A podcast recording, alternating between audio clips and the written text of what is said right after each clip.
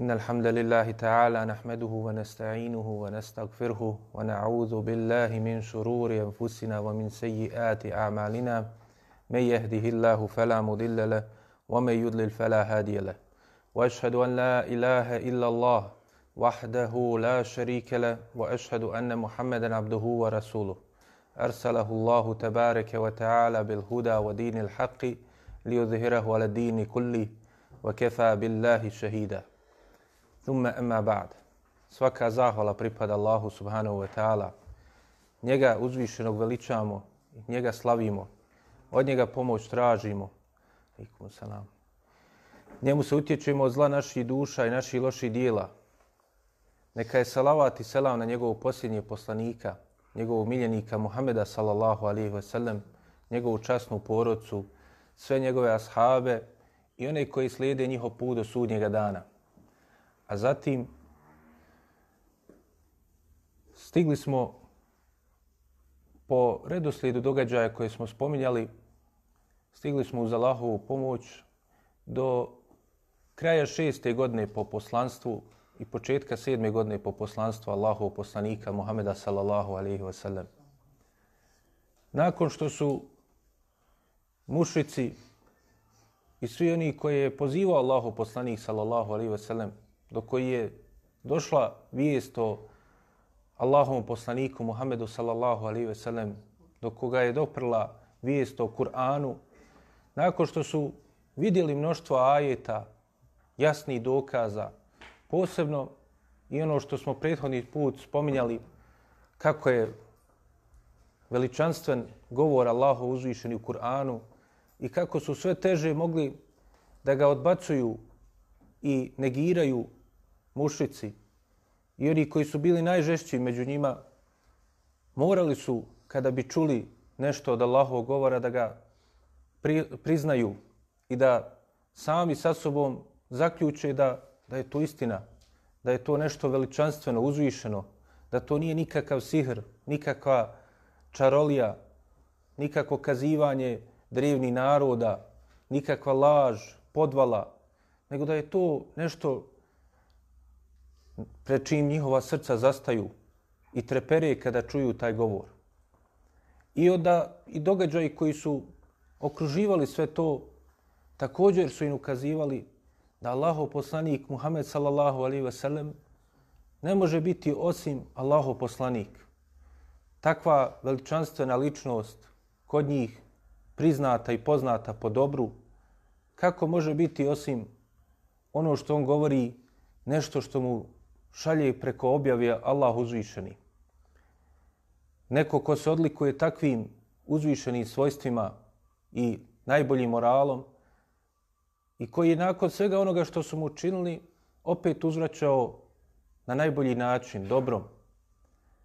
No međutim, priroda borbe između dobra i zla na ovome svijetu jeste da je u neprestana, neprestano traje, da je ovaj svijet kušnja za sve koji se nalaze na njemu. Da se vidi kako će ko postupati.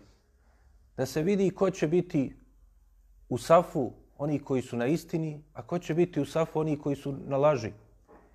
I jednostavno kada srca čuju istinu, kada doprije do njihovih srca istina, ili će je prihvatiti, ili će je postati još gori, još žešći u odbacivanju te istine. To je to naj, taj najgori vid oholjenja nad istinom, odbacivanjem, uzdizanjem i smatranjem da si ti bolji i važniji od toga da ti slijediš ono što je rekao Allahu poslanik sallallahu alaihi ve sellem. Da se pokoriš Allahu uzvišenom tako što ćeš slijediti naredbe njegovog poslanika, klonice zabrana koje Allah uzvišeni objavio svome poslaniku sallallahu alaihi ve sellem. Pa tako i mušici nakon svega što su vidjeli, nakon što su, kada je Utba ibn Rabija u onom kazivanju koje smo spominjali prošli put, došao i vratio im se i rekao da je doista ono što je čuo pogodilo njegovo srce, da je to istina i ništa drugo do istina i da je najbolje za njih da ga slijede, to jest Muhameda sallallahu alaihi ve sellem, iako je on bio jedan od najžešćih u borbi protiv njega. Oni su to odbacili i onda su postali još žešći. U ovome periodu postaje njihovo neprijateljstvo sve žešće. Kako je, dakle, islam se širio, kako se povećavao broj vjernika, kako se čak i mnoge ugledne ličnosti i važne ličnosti počele da primaju islam, tako su i još žešći mušici bili u svome odgovoru. Još više su metoda počeli različiti da koriste u borbi protiv Allahov poslanika, sallallahu alaihi ve sellem. I one stvari koje smo spominjali kada smo općenito govorili o onome što su učenjaci svrstali u 15 različitih načina suprostavljanja istini koje su koristili i metoda koje su koristili mušici, metoda zlostavljanja i napadanja i izlaganja čak i fizičkom zlostavljanju i poslanika sallallahu alejhi ve sellem i njegovih ashaba, znači u ovom periodu postaje još žešća, još češća. Zato što nakon što su vidjeli istinu, nakon što kada je objavljena sura Neđm, morali su pasti na seždu kada su čuli te ajete. Nakon što je Utbe ibn Rabija došao sa prijedlogom, ponudio sve što su mogli da ponude. Od ovih dunjaličkih, prolaznih, bogatstava i blagodati, Allahu poslanik sallallahu alaihi ve sellem mu na to odgovorio sa uzvišenim Allahovim govorom i sure Fusilet, onda oni su morali da traže nove metode, da budu još žešći, još čvršći kako su oni smatrali u odgovoru Allahovom poslaniku sallallahu alaihi ve sellem i suprostavljanju onome u, ono, u, onome u što on poziva.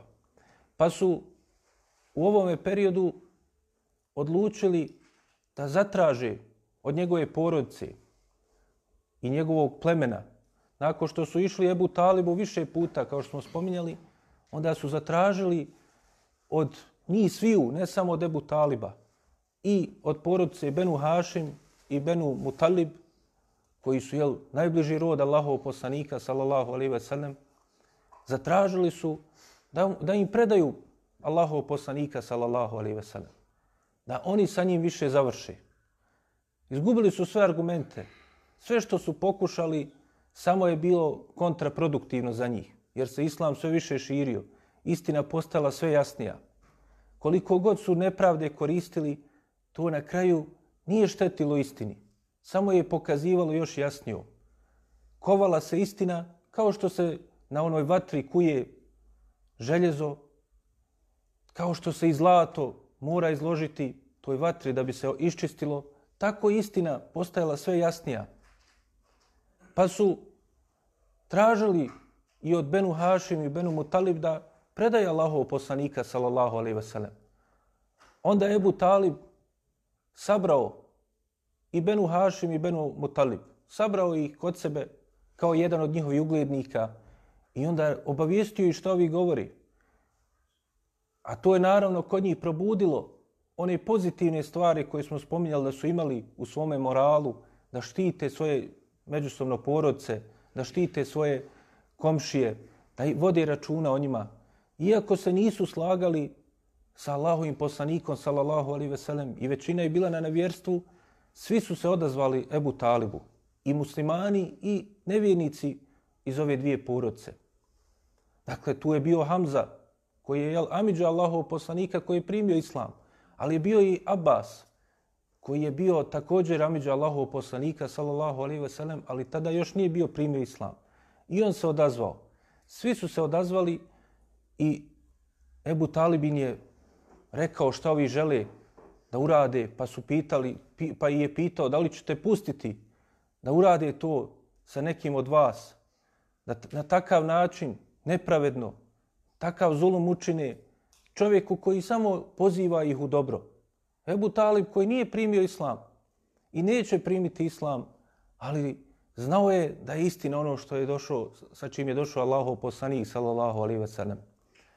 Pa su oni se složili s njim, osim, osim jednog čovjeka, a to je bio Ebu Leheb.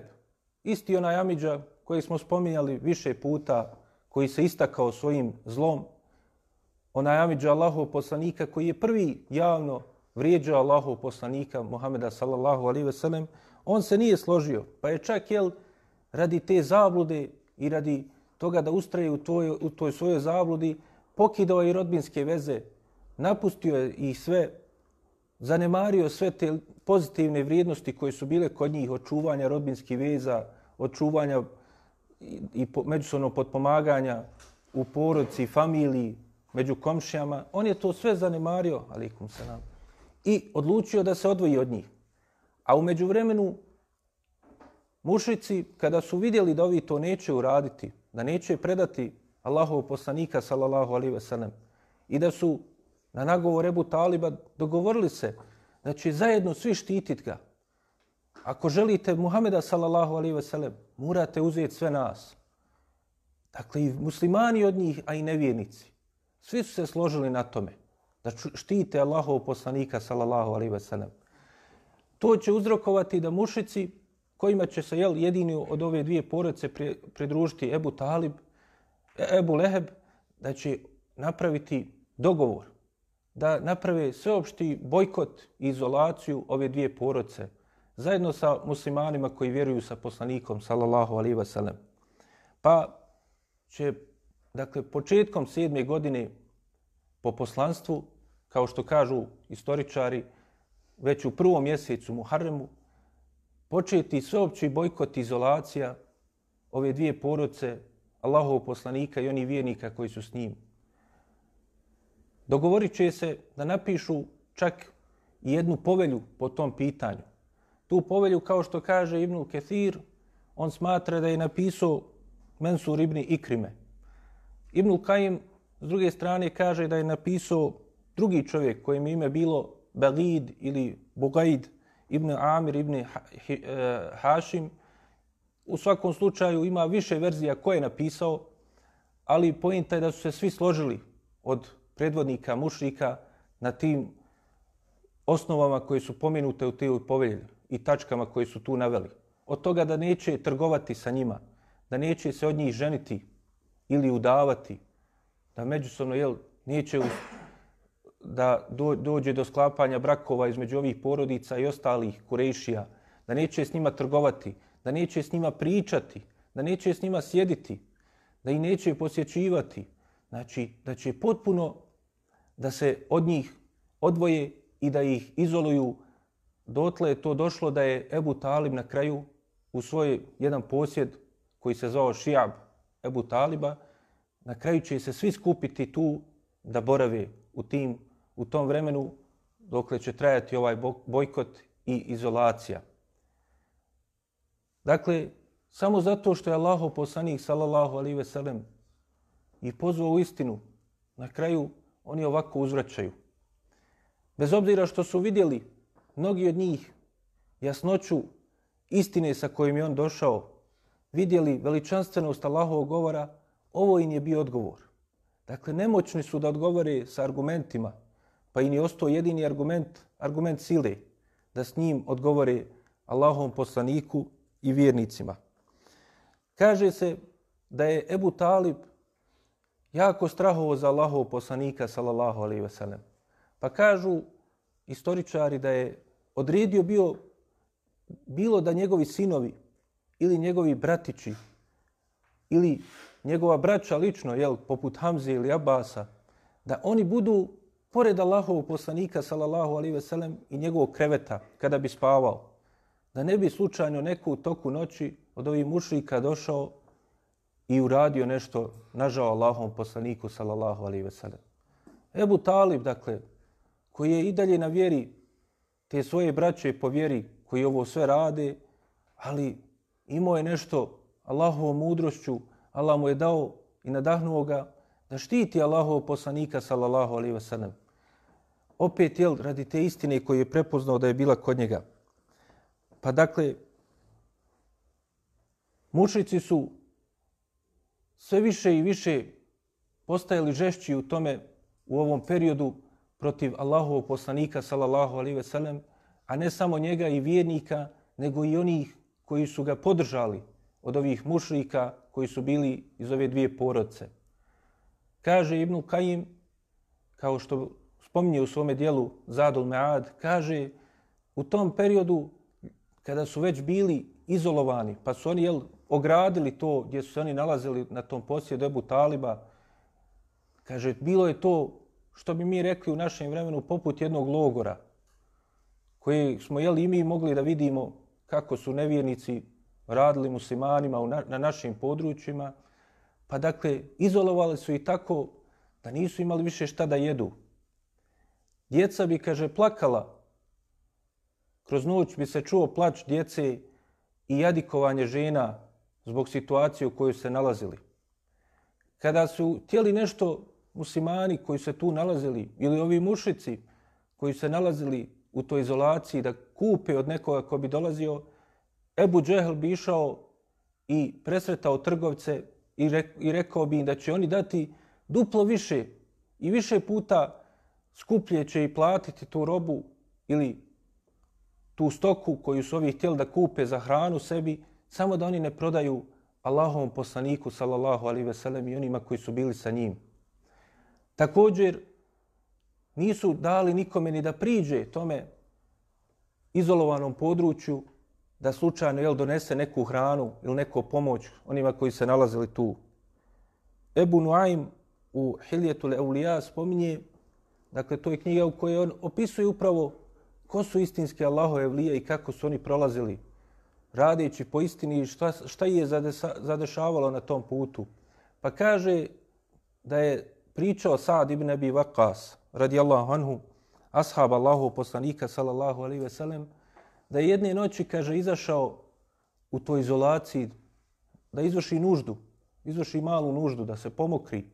Pa kaže, dok je to radio, osjetio je da je njegova mokraća padala na nešto i odbijala se od neku, nek, neku kožu. Pa kaže, ugledao sam da je to koža koja bi se mogla pojesti. Pa sam, kaže, uzeo tu kožu, očistio je od tog neđaseta i onda je pomiješao sa vodom i kaže to sam pojeo i to mi je dalo snage za tri dana da živim dalje. Dakle, na kraju nisu imali šta da jedu. Jeli su lišće, korijenje, kožu, šta bi našli u, tome, u toj izolaciji u tom periodu dok su ih mušici jel, sprečavali da čak jeli da trguju, da bilo šta rade da bi našli načina da samo prežive u tom periodu. Bili su jel, spremni ih i čak i tome izložiti samo da ih spriječe u tome da robuju Allahu uzvišenom, da šire Allahu subhanahu wa ta'ala vjeru.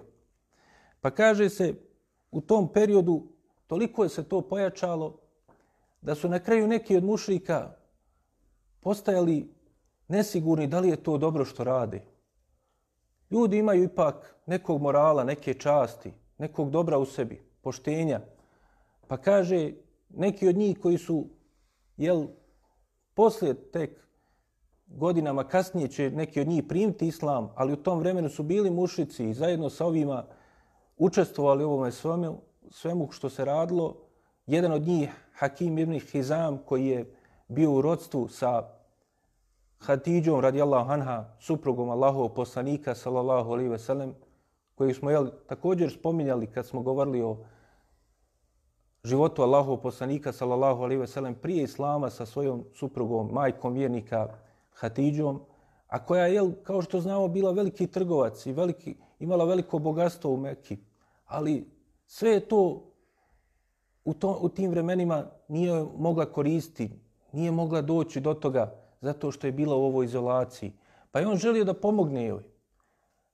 I također još jedan čovjek koji je imao rodbinske veze sa ove dvije porodce, kojim je bilo ime Hišam ibn Amr el-Amiri, dakle isto ime imao je kao i Ebu Džehl, ali ovo je potpuno druga osoba i ličnost, oni su odlučili da pomognu, da donesu na svojim jahalicama neke hrane u noći i da puste te jahalice da uđu u taj ograđeni logor u kojem su se nalazili muslimani. Jedne prilike, kada su to uradili, Ebu Džehli je to vidio da radi Hakim ibn Hizam, pa, mu je, pa ga je napao, želio da ga spriječi u tome. Rekao, zar ti pomažeš ovim pokvarenjacima i drugim uvredama koje je koristio za ove koji su nalazili se u izolaciji, pa je onda ga pitao Hakim, zar ćeš pustiti ljude da umiru od gladi, da bi samo nešto ti svoje dokazao. Dakle, već se počelo javljati kod njih nesigurnost u te metode koje koriste. Jedan od također predvodnika mušrika koji se zatekao dok su ovi vodili tu raspravu, kojem je ime Ebul Bahteri, je također stao na stranu Hakima, pa rekao, kaj, pa zar ne znaš da on ima tamo svoju rodbinu? Zar ćeš prijeći čovjeka da pomaže svojoj rodbini, da održava rodbinske veze, da pomaže svoju rodbinu? Pa su, kaže, došli dotle da su se počeli međusobno tući Ebul Bahteri i Ebu Džehl. A kaže, sa strane je posmatrao to Hamza ibn Abdul Mutalib, pa kaže, kada su vidjeli da ih on posmatra, onda su prestali, jer nisu želili kao da dadnu zadovoljstvo muslimanima, da se oni međusobno zavađaju pred njima i da se cijepaju i dijeli, a da tu jel, time priredi se zadovoljstvo muslimanima što su oni u takvoj situaciji.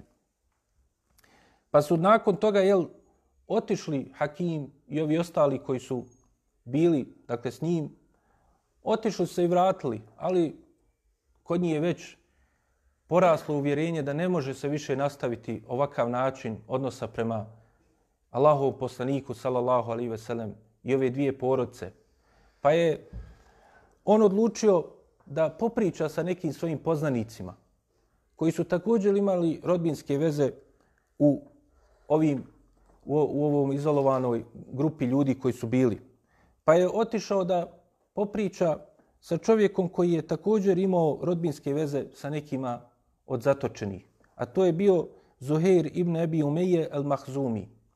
Pa ga je napomenuo da je on u stvari sin od Atike ibn Abdul Mutalib. Dakle, tetke Allahov poslanika sallallahu alaihi ve sellem. Pa kaže, zar ćeš pustiti da radi se ovo što se radi tvojim dajđama? Znači, dajđe su njegove bili Jebu Talib i Hamza i Abbas, bili su dajđe ovom čovjeku, ovom mušiku. Pa kaže, zar ćeš pustiti da to rade njima i nećeš ništa poduzeti? Pa, se, pa je ovaj rekao, ali šta ja mogu raditi? Ja sam samo jedan čovjek. Kako da se odnosim i šta da uradim prema ovim ostalima koji su to organizovali? Pa kaže, nisi sam, evo imaš i mene. Znači ima nas dvojica već. Pa kaže, nađu nam i trećeg, pa ćemo onda moći nešto uraditi. Pa je rekao, naću nam i trećeg koji će to podržati. Pa je otišao kod Mutima ibn Adija i pričao s njim i također mu spomenuo neke njegove rodbinske veze i neke komšijske veze koje je imao sa nekim od zatočenih. Pa je također isto Mutim rekao, pa kaže šta ja mogu sam uraditi? Pa kaže imaš mene, pa kaj nas u dvojica, ima li još neko ko će biti s nama da to uradi? Pa kaže imamo trećeg i spomenuo jel, da je zajedno s njim i Zuhair. Pa kaže kad bi imali četvrtog da nas podrži u tome, onda bi možda nešto mogli uraditi. Pa je onda otišao i pričao sa Ebul Bahterijom, Ibn Hišamom, onim istim koji smo spomenuli da je došao u sukob sa Ebu Džehlom. Pa jel, koji je također imao nezadovoljstvo sa tim što se radi. Iako je on bio jedan od predvodnika zlostavljanja muslimana, ali opet njegov moral, njegova čast nije dozvoljavala da to ide do toke mjere. Pa kaže, otišao je kod njega i pričao isto s njim, pa je ovaj rekao isto što su i ova prethodna trojica rekli, kad bi imali još jednog petog da nas podrži. Pa je otišao i našao i petog, a to je bio Zema Ibnul Esved, Ibnul Mutaleb. Pa kaže, pričao je s njim i onda kada je rekao ovaj, a ima li ko da nas podrži, kada je spomenuo da imaju ove ostala četvorica, da ih ukupno jel, ima već petorica, onda su rekli i složili se svi da će to uraditi, da će spriječiti da se to više nastavi zlostavljanje na takav način, kroz tu izolaciju, kroz izgladnjivanje, mučenje ovih ljudi koji se nalazili u tom logoru. Pa kaže, nisu oni odlučili da to tek tako odu i kažu ovim ostalima Ebu Džehlu, Utbe ibn Rabiji, Umeju ibn Halefu, svim ti predvodnicima, Ebu Sufjanu, koji su tada to jel, predvodili i vodili tu kampanju, nego su odlučili da naprave plan kako da to raskinu i, i, i dokinu taj, e, tu izolaciju koja je trajala. Jer su znali da ako dođu i pričaju samo oni, ovi drugi su brojni, nadglasat će ih, nadvikat će ih, imat će jel, više pristalica i na kraju neće doći do, nika, do, nik, e, nik, do nekog rješenja povojnog. Pa dakle, iz njihovog isto primjera moramo vidjeti jeli, kako ljudi moraju da se organizuju, kako moraju da na mudar način neke stvari mijenjaju. Pa čak jel, i ovi mušici koji u osnovi nisu podržavali Allahov poslanika, sallallahu alaihi ve sellem, ali su koristili jel, jedne ispravne i vrlo mudre metode da bi to dokinuli i spriječili. Pa su oni, kaže, sljedeći dan odlučili, dogovorili se da Zuhair bude taj koji će pričati. I otišli su pored Kaabe. Zuhair je napravio tavaf, sedam krugova oko Kjabe i onda se obratio ono mjestu gdje su se skupjali velikaši Kurejiša i predvodnici mušrika i onda im rekao, kaže, zar ćete dopusti da se nastavi ono što se radi porodcama Benu Hašim i Benu Mutalib? Zar ćete pustiti da ih se nako zlostavlja, da se izgladnjuju, da ne mogu da trguju, da nemaju od čega da nahrane svoju djecu? Pa kaže, sa strane je stojao Ebu Džehli to posmatrao kad je ovaj govorio i rekao, kaže, lažeš, nije to nikakva nepravda. Ništa to što ti govoriš nije istina. Znači, odobravo je ono što se radilo. Pa je onda nakon toga ustao drugi od njih i počeo da govori, a to je bio, jel, Hišam. I onda je, kaže, rekao, i ja potvrđujem ovo što je rekao Zuhair. Ovo nije u redu što vi radite. Nakon toga je ustao Ebul Bahter i rekao, ja, kaže, se slažem s ovom dvojicom što su rekla prethodno. I kaže, ja se odričem ovog, ove povelje koje smo napravili. Kaže, to nije nako kako smo mi to zamislili i dogovorili. Kada je to vidio Ebu Džehl, začudio se kako odjednom jel, sa raznih strana dolaze takvi glasovi. Pa je onda i Mutim ibn Adi podržao to što je ovaj, što su ovi rekli i na kraju su i drugi neki podržali taj njihov govor. I onda je Ebu Džehl nemoćan da se i suprostavi kada je raskrinkana njihova nepravda i, i postala jasna i obejanila se ljudima, onda je rekao, kaže, ovo nije ovde tek tako rečeno. Ovo je jel, prijethodno dogovarano. A oni su istinski noć prije toga na brdu koji se zove Hadžun, blizu Kjabe, oni su se sastali i dogovorili kako će ko šta da kaže. Pa kaže, Ebu Džel je to prepoznao i rekao, kaže, ovo su oni prethodno dogovorili. Ovo je bio dogovor ko će šta da kaže i da ovako jel, naprave kako su napravili. A Ebu Talib koji je izlazio jel, i dolazio, on je onda kada je to čuo, prišao njima i došao do njih. Oni su pomislili da je došao da vrati i preda Allahov poslanika njemu. Da je odustao od onoga što su jel, zamislili oni kao porodca Benu Hašim i Benu Mutalib da štite Allahov poslanika sallallahu alaihi ve sellem. No međutim, kao što dolazi u predajama ovoga događanja, kaže se da je Allahov poslanik sallallahu alaihi ve sellem obaviješten ovo što se desilo. Da ga Allah uzvišeni objavom obavijestio preko Džibrila alaihi salam i da je došao Ebu Talib da to jel, i kaže, znači da će da nestane ta povelja. U nekim od predaja je došlo da je rečeno, kao što to bilježe Ibn Hajar i Zaheb i drugi, da je, ta, da je to ta povelja, taj papir na kojem je bila napisana i obješena u Kjavi, da je Allah uzvišen i poslao crva koji će jel, da pojede tu povelju. Pa u jednim predajama je došlo da je pojeo sve one riječi u kojima je se spominjalo Allahovo ime.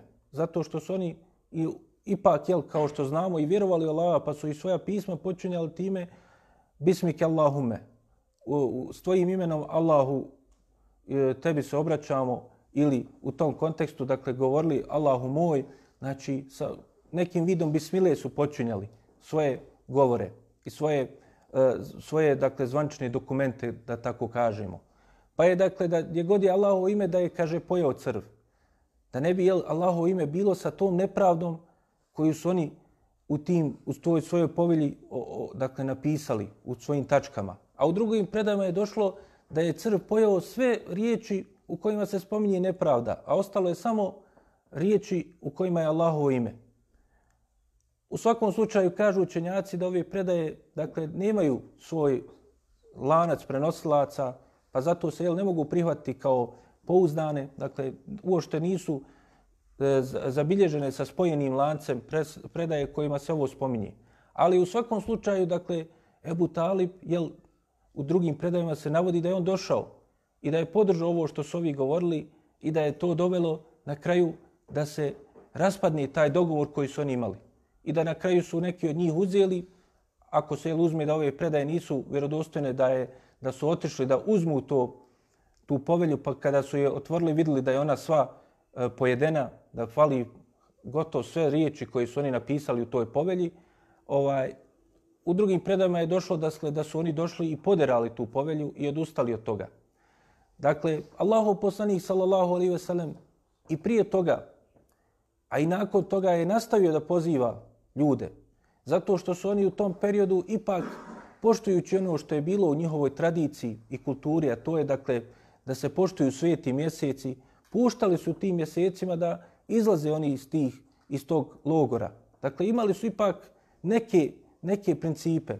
Pa je poslanik sallallahu alejhi ve sellem to koristio da u vrijeme hadža zato što su jel to ti sveti mjeseci u Zulhidžetu i kada u Zulkadetu dolaze dakle mušici i ostali da čine hadž i da posjećuju Kaabu, dolazio i pozivao ih islam. Dakle, uprko svim tim nedaćama, dakle, opet islam se širio. Također, s druge strane, spominje se da je jedno od djece koji su rođeni u ovom periodu, u ovoj izolaciji, a s druge strane spominje se i da su neki preselili u toj izolaciji od tog zlostavljanja. Ne, ne navodi se tačna imena, ni da li su oni bili muslimani ili mušici, ali dakle sigurno u ovakvoj teškoj situaciji da je neko i podlegao tim toj muci i, i težini tog iskušenja u kojem se nalazili.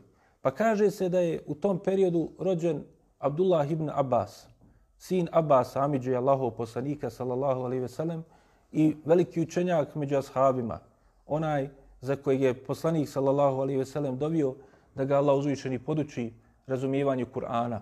I dakle, najpoznatiji tumač Kur'ana Allahovog, eh, Allahove posljednje objave i onaj koji je nam najviše prenio od onoga što se tiče o tumačenju od Allahovog poslanika sallallahu alaihi ve sellem Allahove posljednje objave.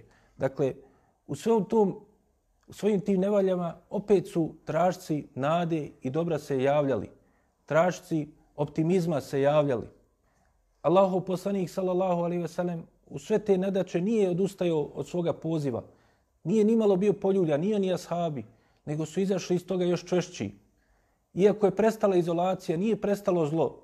Oni su prestali sa izolacijom, sa tom metodom, ali su nastavili sa zlostavljanjem, nastavili sa mučenjem, odvraćanjem od Allahove subhanahu wa ta'ala vjere. Jer Allah uzvišeni to nam i opisuje. Dakle, nakon što je u suri Kamer spomenuo u prvom ajetu, kao što ćemo vidjeti nakon događaja koji će uslijediti nakon Isra i Mirađa, kada se rascijepi mjesec, Allah uzvišeni u sljedećem ajetu kaže i opisuje njihovo stanje. I stanje mnogih koji su u takvoj situaciji nalaze, kada im dođu ajeti, kaže, o i jerau ajeten, ju'ridu, Kaže, i kad vide ajete, vidite jel, jasni Allahove dokaze, rekli smo, jel, to je bolji izraz za muđiza Allahov poslanika kojima je Allah uzvišeni ga potpomogao. Dakle, kao što vidimo, to je Allah uzvišeni u svojoj objavi u Kur'anu govori, znači, ajeti, jasni dokazi, znači, poput toga što je se rascijepio mjesec, kaže, oni se okreću, vajekulu, govori, kaže, sihrom mustemir, To je, kaže, neprestana čarolija. Čarolija koja nestaje. Znači, ona i dalje traje. Znači, juče nam je pokazao jednu stvar, danas nam pokazuje drugu stvar, kako god mi nećemo u to da vjerujemo. I onda još postaju žešći u suprostavljanju istini.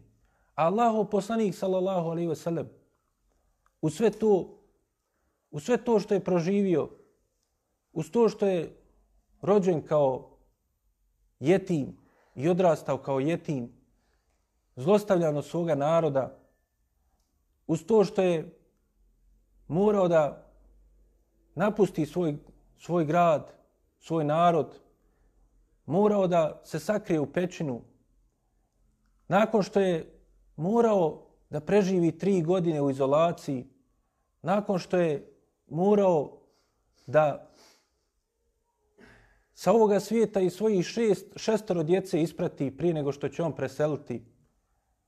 Šestoro djece, samo jedna čerka Fatima ga nadživjela za šest mjeseci.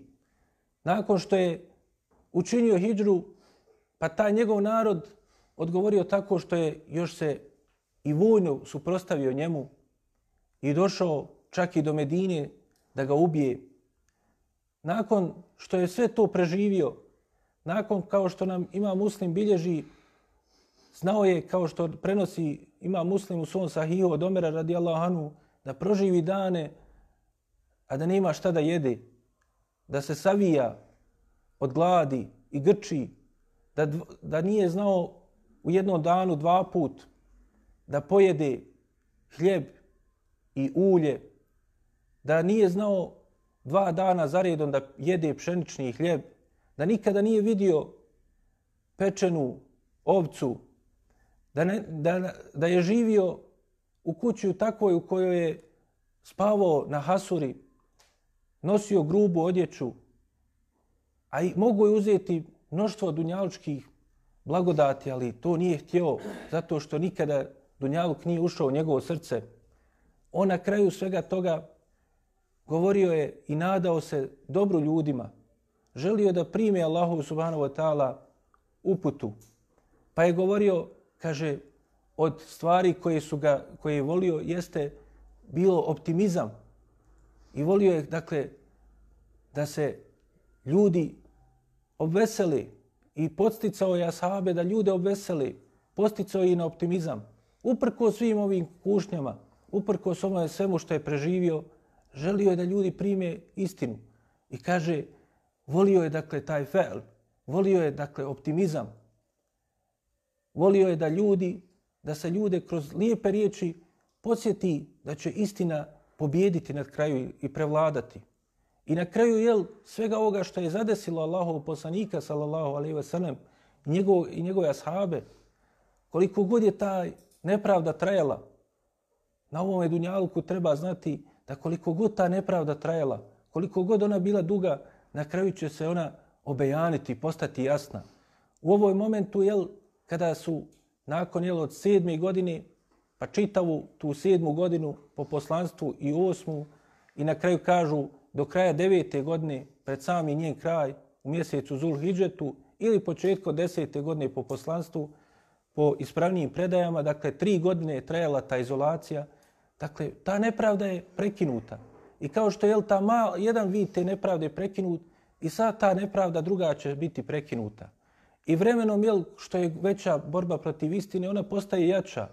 A što je veće neprijateljstvo prema istini i ta zabluda koja se kroz tu nepravdu želi da proširi i ojača, ona postaje sve slabija, postaje sve jasnije da je to zabluda.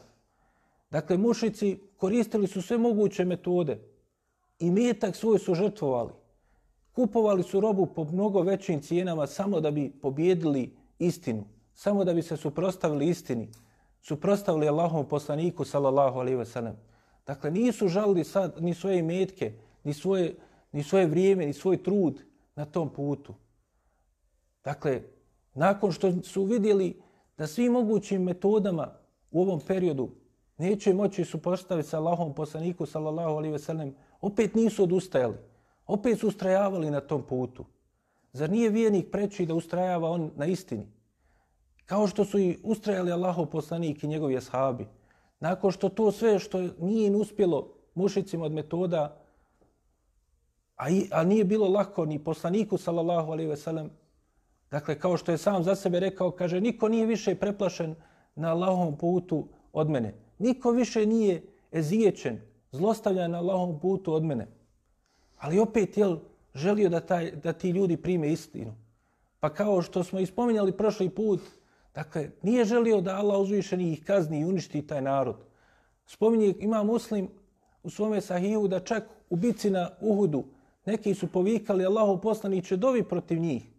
Pa je rekao, kaže, ja nisam poslan kao onaj koji proklinje, nego sam poslan kao milost. Da bi ljudi jel, primili Allahovu subhanahu wa ta'ala objavu.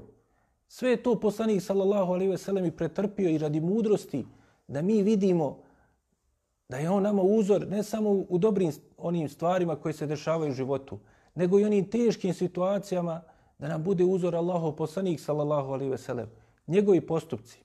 A to što su ovi koristili, jel, taj bojkot, dakle, to je bio vid i ekonomskih bojkota kojeg su oni provodili protiv Allahov poslanika i muslimana i općento protiv Allahove subhanahu wa ta'ala vjere. Pa dakle, za nisu preći muslimani da uzmu pouku iz toga? I kao što mi vidimo i u našem vremenu, kako se rat često vodi, kao što su i ovde mušici, vodili su rat svim drugim sredstvima osim otvorene borbe. I u današnjem vremenu vidimo da traje veliki rat protiv istine, ali svim drugim metodama i najčešće, najjače su i metode one koje su mimo otvorenog rata, mimo otvorene borbe, kroz rat, vo, kroz oružje i te stvari, kroz borbu na život i smrt, nego koriste druge metode, rat drugim sredstvima, ali je to i dalje rat. Pa to vjernik jel, mora imati na umu i da koristi ono što je iskustvo Allahov poslanika sallallahu alaihi ve sellem i njegovog života na tome putu. Nakon ovoga što se desilo i nakon te tri godine, dakle, spominjali smo prvu hijđru u Abesiniju i da je ona, pouzdano se zna da je bila pete godine po poslanstvu. Što se tiče druge hijđre u Abesiniju, ne postoje jasne predaje iz koji se može zaključiti kada je ona tačno bila. Pa dakle, kao što smo spominjali, nakon što se vratili muslimani, ubrzo nakon prve hijđre nisu dugo ostali, dakle, te, ubrzo neki kažu učenjaci, ne navodeći tačno vrijeme i tačan datum, se ponovo vratili. U drugim predajama se može razumiti da se druga hijđra desila nakon ovoga bojkota, zato što su mušici jel, pojačali svoj ezijet i zlostavljanje muslimana kada su vidjeli da i nova metoda nije uspjela, vratile se drugim, jel, onim već oprobanim metodama, Također, i što se tiče ovog svega što je spominuto po pitanju općeg, sveopćeg bojkota izolacije, dakle, kod Buhari i muslima se samo navode nekim predajama i šareti da se to desilo. Ovi detalji koje smo spomenuli, dakle, istoričari i hroničari života Allahov poslanika, sallallahu alihi veselem, navode ove predaje i prihvataju ih, iako jel, ima sporenje oko nekih od ovih predaja po pitanju njihovog E, njihove vjerodostojnosti.